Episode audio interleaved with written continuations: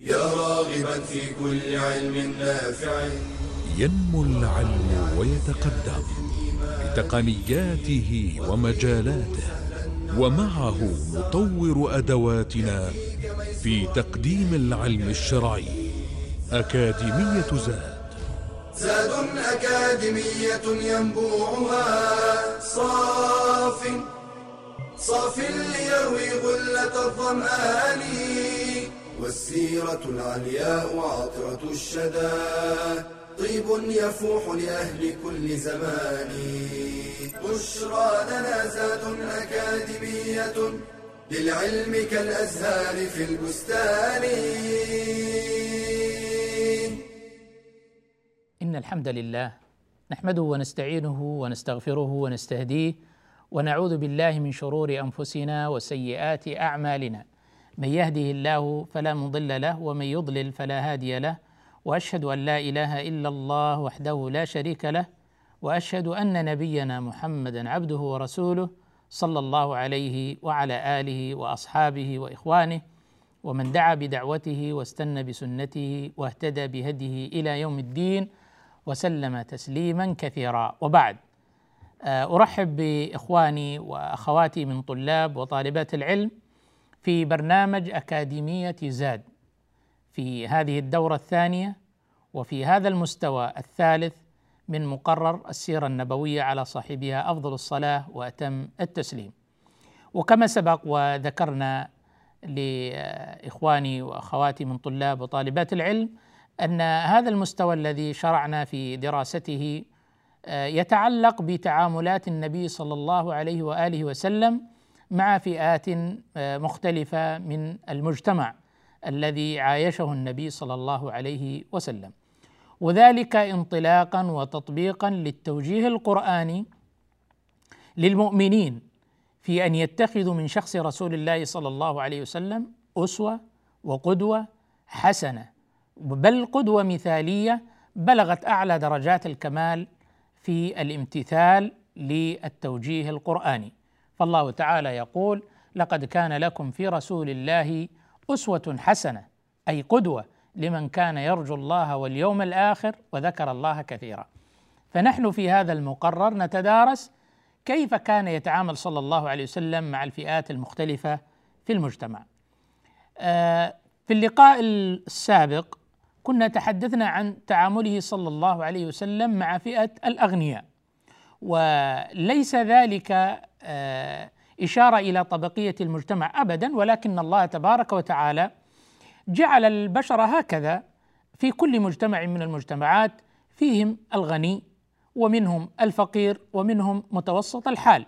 وهذا في كل المجتمعات وذلك لحكمة بالغة أرادها الله عز وجل. وليتخذ بعضنا بعضا سخريا يسخر الله عز وجل الفقير لخدمة الغني ويحقق شيئا من احتياجاته ويسخر الله تعالى الغني ليخدم الفقير ويحقق ويشبع شيئا من احتياجاته وبذلك آه، يكتمل الحكمة من آه، الخلق.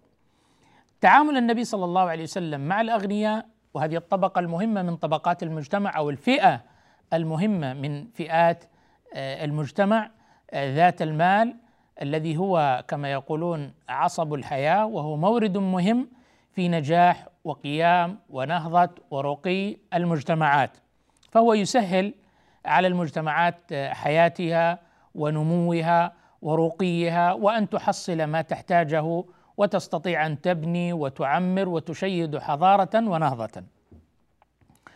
ذكرنا في اللقاء السابق أن النبي صلى الله عليه وسلم كان في تعامله مع هذه الفئة فئة الأغنياء أنه كان يشهد بالفضل لأولي الفضل منهم ومن ذلك شهادته للصديق أبو بكر آه، الصديق رضي الله تعالى لما قال آه، ما نفعني مال ما نفعني مال أبي بكر. فأشاد بفضلهم وأيضا أثنى على مساهماتهم وكان يدعو لهم بالبركة كما دعا لعروة البارقي وكما دعا لعثمان رضي الله تعالى عنه وكما أشاد بأدوارهم الفاعلة وبذلهم في سبيل الله لما قال ما ضر عثمان ما فعل بعد اليوم عثمان رضي الله عنه كان رجل ثري الله سبحانه وتعالى أكرمه بسعة في الرزق والمال وذلك فضل الله يؤتيه من يشاء ولكل مجتهد نصيب فهذا الرجل وهو من العشر المبشرين من بالجنة كان رجلا غنيا ثريا. ونعم المال الصالح للرجل الصالح. إذا الله عز وجل أكرم إنسان صالح بالمال فنعم هذا المال لهذا الرجل. لماذا؟ لأنه سيسخر هذا المال في كل خير. سيغتني في ذاته وفي نفسه وكذلك سيسهم في مساعدة الآخرين وفي بذل الخير في وجوه الخير المتنوعة والمختلفة. فأثنى على عثمان وأثنى على صنيعهم ومن ذلك نحن نقتدي نثني ونشكر وندعو لكل إنسان ممن آتاه الله عز وجل سعة في الرزق فبذل هذا المال وأرخصه في سبل الخير وفي فعل الخير وفي المعروف فإن هذا ممن يشكر ويدعى له ويذكر. كما ذكرنا أنه كان يرشدهم إلى حسن التصرف في هذه الأموال لما أراد سعد أن يعني يتصدق بنصف ماله نهاه النبي صلى الله عليه وسلم. ثم لما تحدث عن ثلثي المال ونصفه ثم إلى أن وصل إلى الثلث فقال النبي صلى الله عليه وسلم الثلث والثلث كثير. فكان يرشدهم إلى حسن التصرف في أموالهم صلى الله عليه وسلم.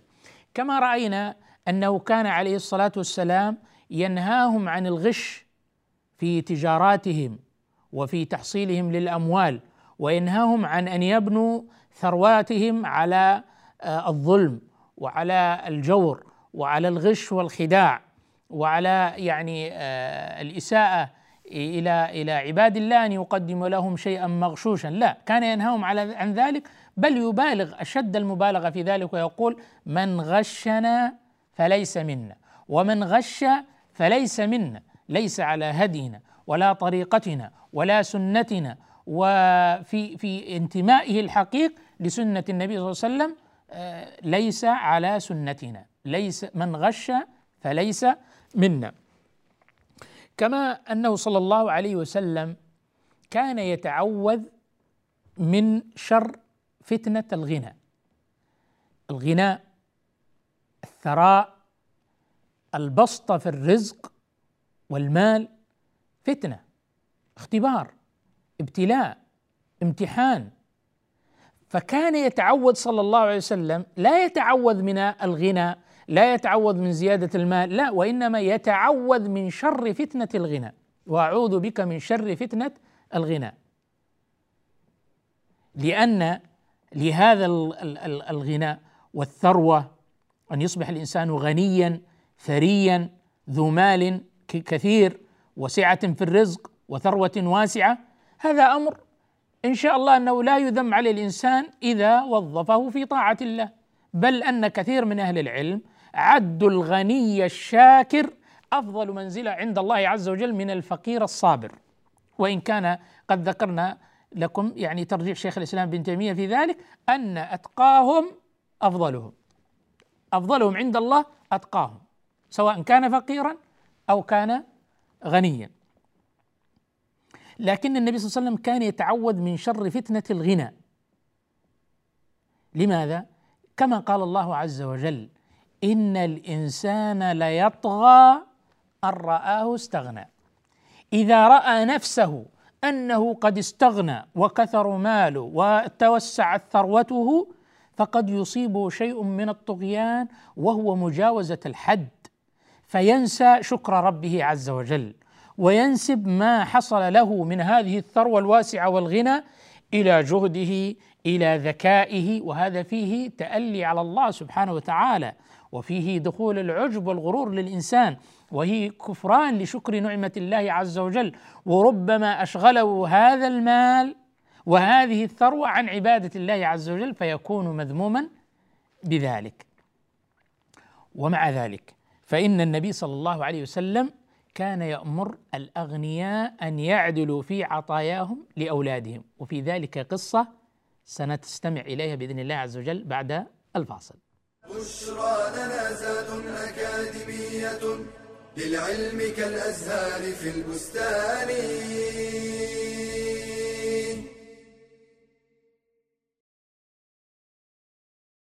المطر الغزير هو الذي تبتل به الثياب ويحمل الناس على تغطية الرأس ويسبب وحلا وطينا وزلقة ولا حرج في الجمع بالمسجد بين المغرب والعشاء أو بين الظهر والعصر بسبب الأمطار الشديدة أو الأوحال والسيول الجارية في الطرقات ولو توقف المطر.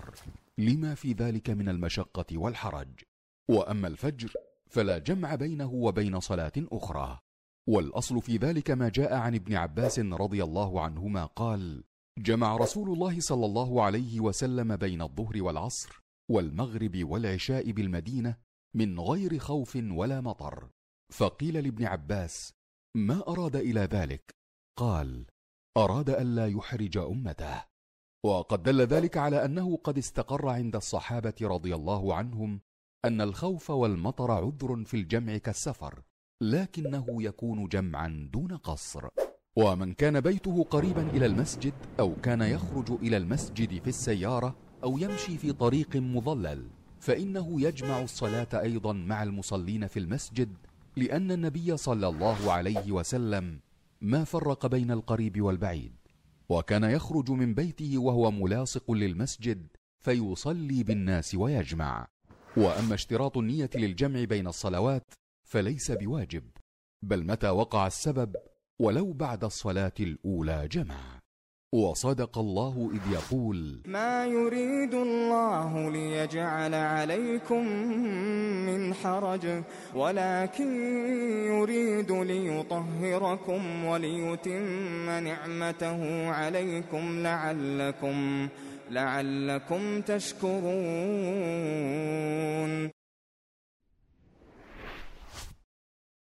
بشرى لنا زاد أكاديمية للعلم كالأزهار في البستان. الحمد لله والصلاة والسلام على رسول الله وعلى آله وصحبه ومن والاه. ما زلنا مع هدي النبي صلى الله عليه وسلم في تعامله مع الأغنياء. وكيف أنه كان يأمرهم بالعدل في عطاياهم لأولادهم. كان يأمرهم بالعدل في عطاياهم في هباتهم لأولادهم. عن النعمان بن بشير رضي الله عنه أن أمه عمرة بنت رواحة سألت أباه بعض الموهبة من ماله لابنها.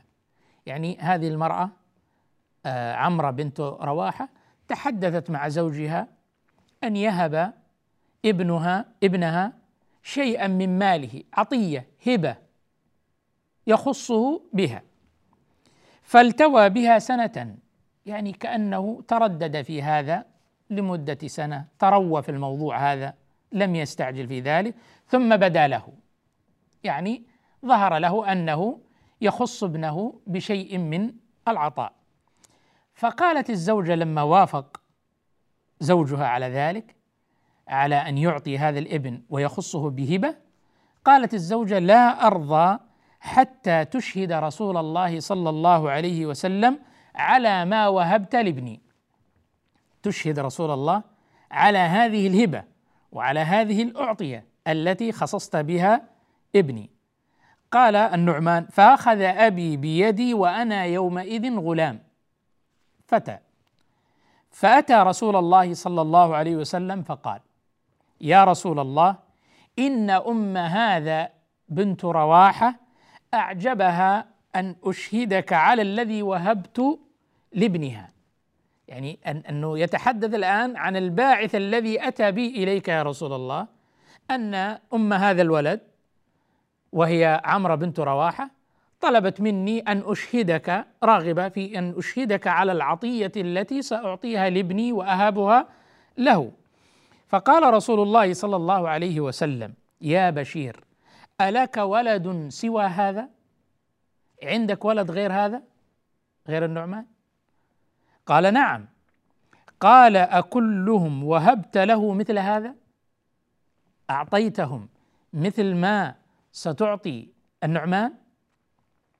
قال لا قال فلا تشهدني إذا فإني لا أشهد على جور أي على ظلم رواه البخاري ومسلم.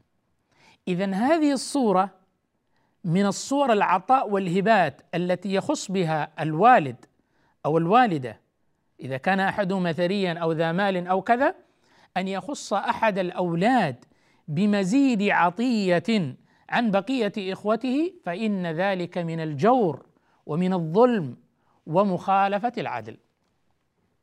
أحيانا بعض الأمهات يكون هناك بعض أبنائها أو بناتها قريب منها حبيب إليها تشعر تجاهه بنوع من العطف ربما يكون هو برا بها وهكذا. فربما أرادت أن تميزه عن إخوته. فتطلب من أبيه أن يخصه بمال عطية يعطيه أرض يعطيه عقار يكتب شيء من اسهم الشركة باسمه. يكتب آه، أرض أو عقار أو بيت أو مزرعة أو يعطيه آه، أي نوع من أنواع العطايا دون إخوته يخصه دون إخوته. فهذا من الجور وهذا من الظلم. ولهذا الفعل انعكاساته التربوية الخطيرة جدا. فإن عدم العدل بين الأبناء يورث الضغينة والحقد والتحاسد بين الإخوة فيحسدون أخاهم ويكون الأب والأم هم اللذان صنعا هذه المفاسد القلبية والأخلاقية التي ستستمر معهم في حياتهم. فتجد الأخ يبغض أخاه يبغض أخته لا يحبها لا يتواصل معها يشعر بغيرة وحقد وحسد لها وله. والسبب الأبوان حينما لم يعدلا في تعاملهما مع هؤلاء الأبناء وخصوصا في موضوع العطايا والهبات. وأيضا يورث ضغينة أخرى من الأبناء تجاه أبيهم. يشعرون أن والدهم قد ظلمهم وبخسهم حقهم. فصنعوا بهذه المزية من العطايا والتخصيص بها صنعوا مشكلات تربوية وإيمانية وقلبية واجتماعية وافسدوا حياة أبنائهم بل ربما حياتهم بسبب مثل هذا التعامل. فكان النبي صلى الله عليه وسلم يرشد الأغنياء ألا يخصوا أحدا من أولادهم بعطية عن أخو... بقية إخوانهم بل يعطونهم على السواء. لكن هناك يجب أن نفرق بين النفقة وبين العطية بين النفقة وبين العطية. عندك أولاد واحد لا يدرس والثاني في المرحلة مثلا الابتدائية والثالث في المرحلة الجامعية وأخرى على وشك زواج مثلا. فلا يمكن أن تكون نفقة الطفل ما دون المدرسة والطفل الذي يدرس والشاب الذي يدرس في الجامعة وإحدى الفتيات التي هي بناتي مقبلة على الزواج وأريد أن أجهزها فلا يمكن أن تكون النفقة على السواء فيما بينهم لكل واحد ربما يكون أحد الأبناء آه، يدرس على حساب والده لأي ظرف كان. فلا يشترط المساواة في هذا بمعنى أنه مثل ما تنفق هنا تنفق هنا. لا الإنفاق على قدر الحاجة. ربما يكون أحد الأبناء مريض لا سمح الله. نسأل الله السلامة والعافية لجميع أبنائنا وبناتنا وأبناء المسلمين وبنات المسلمين جميعا. ربما يكون أحدهم مريض يحتاج إلى نفقة أخرى. فهنا ينبغي أن نفرق بين النفقة وبين الهبة العطية. أما النفقة فكل ينفق له على قدر احتياجاته على قدر احتياجاته. ولو صار هناك نوع من التباين والاختلاف ينفق له على قدر احتياجاته على قدر ما يحتاج. طيب الهبات العطية الزائدة محض الهبة والعطية نقول هنا لابد من العدل بين الأبناء في هذه الأعطيات إذا كان يأمر الأغنياء بالعدل بين أبنائهم في العطايا والهبات. كان أيضا صلى الله عليه وسلم يرشد الأغنياء لأن يبقوا شيئا من أموالهم. يعني الأصل في طبيعة النفس البشرية آه أنها يعني تعتني بنفسها تقدم نفسها على غيرها في العادة العادة آه في النفقة وفي الأخذ وفي التمتع بالمال وغيرها كذلك لكن ربما تمر بالإنسان أحداث ومواقف يكون عنده أحد أبنائه أو والديه كان مريضا فيعني من فرحه بشفائه يقول أن أخرج من مالي كله لله عز وجل أو أخرج ثلاثة أرباع مالي أو نصف مالي كله لله عز وجل شكرا لله. إن ربنا سبحانه وتعالى نعمه كثيرة والاءه آه، عظيمة وجسيمة على عباده وكل هذه النعم لا يمكن الإنسان أن يؤدي شكرها. وما بكم من نعمة فمن الله. النبي صلى الله عليه وسلم لما كعب بن مالك رضي الله عنه حصل منه ما حصل في غزوة تبوك وكان من المخلفين الذين تخلفوا من الثلاثة الذين تخلفوا. فمكث خمسين يوما حتى كما قال الله عز وجل وضاقت عليهم الأرض بما رحبت وضاقت عليهم أنفسهم وظنوا أن لا ملجأ من الله إلا إليه. يعني هذه الخمسين يوم كانت صعبة جدا عليهم لكنت كان تمحيص من الله عز وجل لكعب ولأصحابه. لما أنزل الله عز وجل توبة كعب أنزل الله عز وجل على نبيه صلى الله عليه وسلم أنه قد قبل توبة كعب ومن معه ممن تخلف من إخوانه وهم ثلاثة وليس يدخل في ذلك المنافقين الذين تخلفوا من غير ما عذر. لما بلغه خبر أن الله قد قبل توبته أبشر يا كعب بن مالك بخير يوم طلعت عليه شمس عليك فيه شمسه لقد قبل الله توبتك. فقال لله علي إن من توبتي لله أن أنخلع من مالي صدقة إلى الله وإلى رسوله صلى الله عليه وسلم. فقال له النبي صلى الله عليه وسلم أمسك عليك بعض مالك فهو خير لك. رواه البخاري. أمسك عليك بعض مال. لا تخرج مالك كله ثم تبقى هكذا فارغا. لا تبسط يدك كل البسط وأيضا لا تقبضها فتقعد ملوما محسورا ما هو الغنى الحقيقي؟ نتحدث عن ذلك بعد الفاصل. بشرى لنا زاد أكاديمية للعلم كالأزهار في البستان.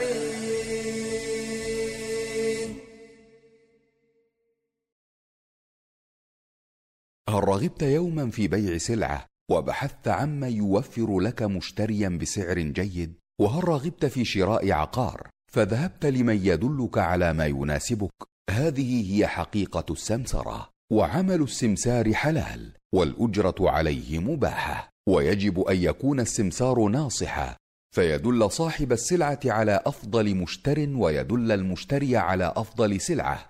مصداقا لقول النبي صلى الله عليه وسلم الدين النصيحة ويجب أن يكون صادقا في وصف السلعة فلا يغالي فيها ولا يحط من قدرها ليجامل من وسطه بائعا كان أو مشتريا وإذا حكماه في تقدير ثمن السلعة فليقومها بالعدل فهي شهادة وأمانة. قال تعالى يا أيها الذين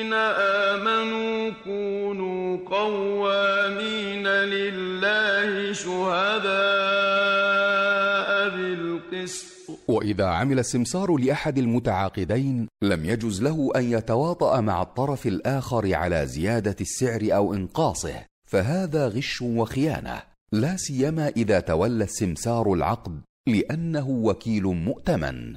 ويأخذ السمسار أجرته من البائع أو المشتري أو منهما بحسب الشرط أو العرف. فإذا لم يكن شرط ولا عرف فالأجرة على من وسطه منهما. ويجب أن تكون الأجرة معلومة بأن تكون مبلغا مقطوعا كعشرة أو نسبة مئوية من ثمن السلعة كاثنين بالمئة مثلا. أو يقول له بعه بمئة وما زاد فهو لك. قال ابن عباس لا بأس أن يقول بع هذا الثوب فما زاد على كذا وكذا فهو لك.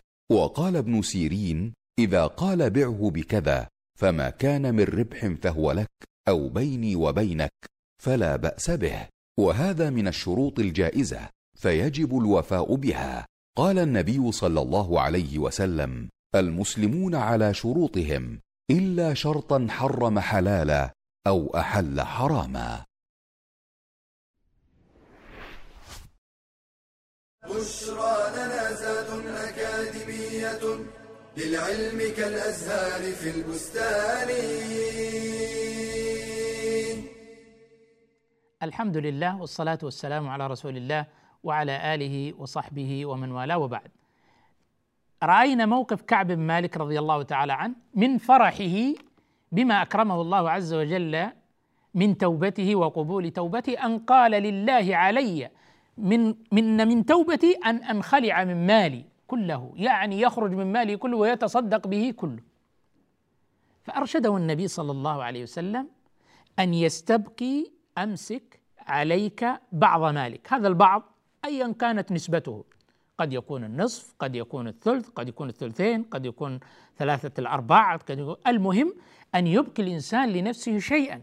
لا أن الإنسان الله عز وجل لا يريد منك ذلك أن تنفق مالك كله ثم تقعد ملوما محسورا وقد وجهنا الله عز وجل في كتابه الكريم تربية قرآنية واضحة بينة للمسلم أن يكون متزنا في حياته كلها. ومن ذلك قال الله عز وجل ولا تجعل يدك مغلولة إلى عنقك ولا تبسطها كل البسط فتقعد ملوما محسورا.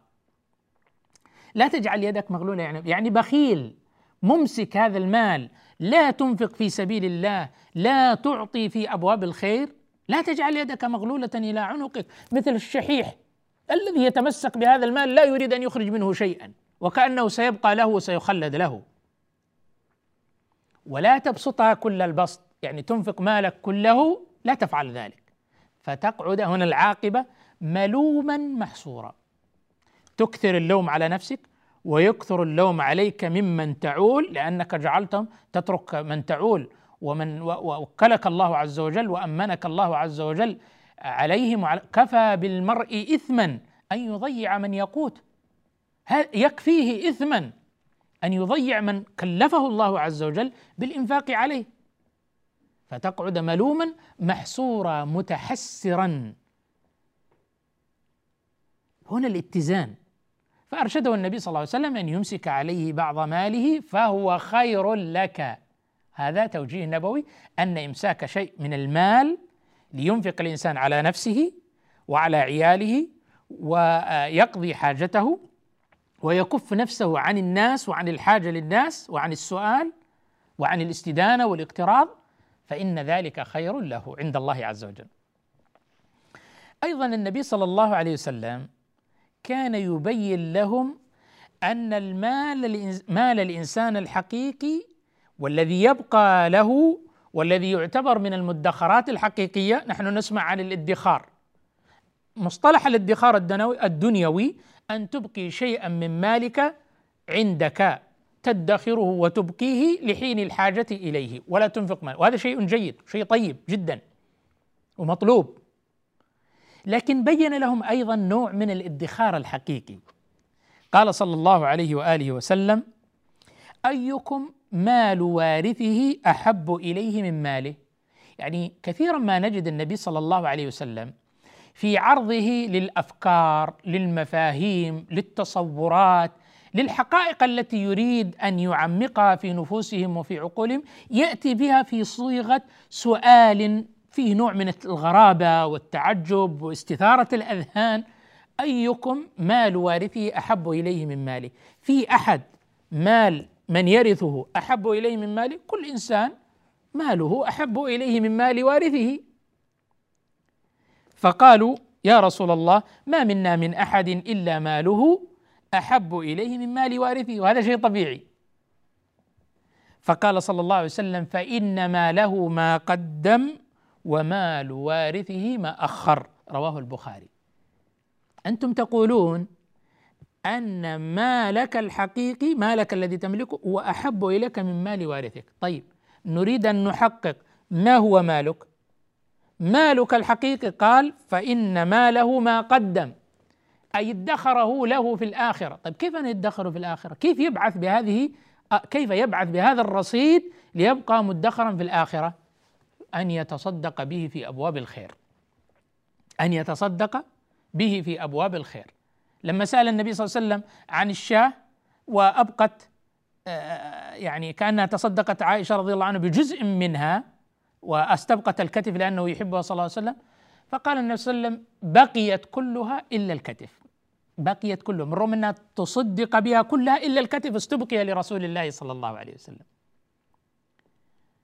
فماله ما قدم لآخرته ولذلك ومال وارثه ما أخر. هذا المال الذي ستحتفظ به أنت وتحوطه وتحرسه وتنميه.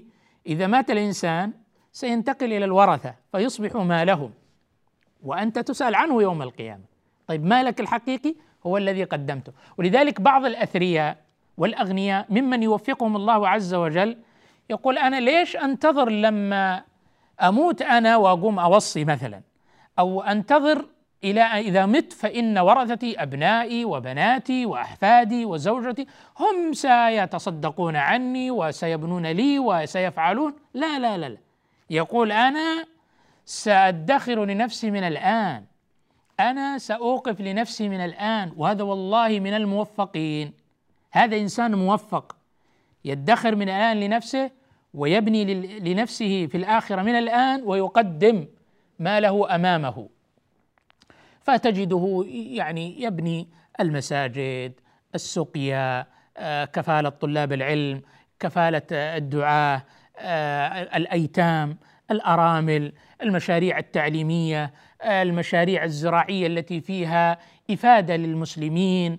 كل باب من أبواب الخير يعين به المسلمين وهو من احتياجاتهم المساهمة في تزويج الشباب المساهمة في سداد قروض المعسرين إطلاق السجناء من خلال يعني قد يسجن الإنسان في مبلغ بسيط جدا لا يستطيع أن يسدد معسر فيسجن فيأتي فيطلق سراحهم من خلال تسديد هذه الأموال البسيطة فيكون له ثواب عند الله عز وجل. إنسان عليه دين يقضي دينه إنسان يريد زواج يساعده ويعينه على الزواج. يوقف آه، أوقاف للأعمال الخيرية للأيتام للأرامل كل أبواب الخير. طباعة كتب العلم نشر العلم خدمة السنة خدمة القرآن. دعم تحفيظ القرآن الكريم. دعم المشاريع التعليمية دعم المشاريع الصحية. الفقراء الذين لا يجدون مثلا آه، مالا يشترون به الدواء مثلا. فهناك أوقاف تقدم للعلاج الخيري العلاج الخيري دعم العلاج الخيري كلها أجور وثواب. فماله ما قدم ومال وارثه ما أخر.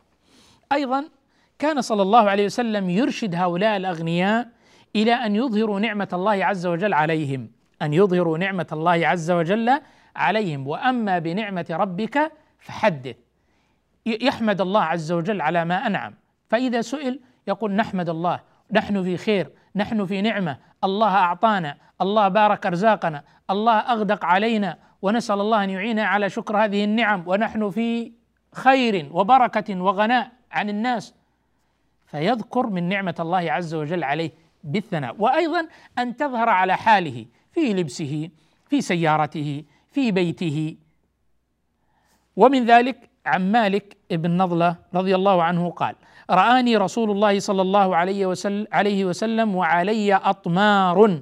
الأطمار هي الثياب البالية. ربما تكون موزق آه، ممزقة ربما تكون متسخة. قال رآني رسول الله صلى الله عليه وسلم وعلي أطمار. وفي رواية أتيت رسول الله صلى الله عليه وسلم وأنا قشف الهيئة. ما هي صورة منعمة؟ فقال هل لك من مال؟ وهذا صلى الله عليه وسلم يعني لا يصدر حكما أو يقول في أمر حتى يتبين يعني خلفية وسياق هذا الأمر. هل لك من مال؟ قلت نعم. قال من أي المال؟ يعني من أي شيء أعطاك الله مالا؟ فقال من كل المال قد آتاني الله عز وجل من الإبل والرقيق والخيل والغنم. يعني من كل أبواب الخيرات أعطاها الله عز وجل. قال إذا آتاك الله مالا فليرى عليك. فلتظهر عليك نعمة الله عز وجل في تسريحة شعرك وفي نظافة ثوبك وفي حسن مركوبك ومنزلك وبيتك أن يكون شيئا طيبا. وكان صلى الله عليه وسلم يرشدهم إلى ذلك حتى أنه قال إن الله جميل يحب الجمال. فقالوا يا رسول الله إن الرجل يحب أن يكون نعله حسنا وثوبه حسنا هل هذا من الكبر؟ قال لا الكبر غمط الناس ورد الحق. يعني إنك تحتقر الناس هذا كبر. إنك ترد الحق هذا كبر. لكن أن يكون ثوبي جميلا أن يكون منظري حسنا أن يكون نعلي حسنا أن تكون سيارتي حسنة أن يكون بيتي حسنا أن أنفق مما أعطاني الله عز وجل في هذا وأخرج مما أنعم الله عز وجل وتظهر نعمة الله عز وجل علي هذا من شكر نعمة الله عز وجل. وعدم إظهار الفاقة والفقر والحاجة والقلة وأنت قد آتاك الله عز وجل خيرا كثيرا فإن هذا ليس من شكر نعمة الله عز وجل. وأخيرا ليس الغنى عن كثرة العرض وإنما الغنى غنى النفس. أن تكون قنوعا بما آتاك الله وأن تشكر على الله عز وجل على ما أعطاك وتسأل الله عز وجل أن يبارك لك فيما أعطاك. اللهم قنعنا بما رزقتنا وبارك لنا فيما أعطيتنا وصلى الله وسلم وبارك على نبينا محمد وآله وصحبه أجمعين. يا راغبا في كل علم نافع متطلعا لزيادة الإيمان وتريد سهلا النوال ميسرا يأتيك ميسورا بأي مكان. زاد زاد أكاديمية ينبوعها صاف صاف ليروي غلة الظمآن. بشرى لنا بشرى لنا بشرى لنا زاد أكاديمية للعلم كالأزهار في البستان.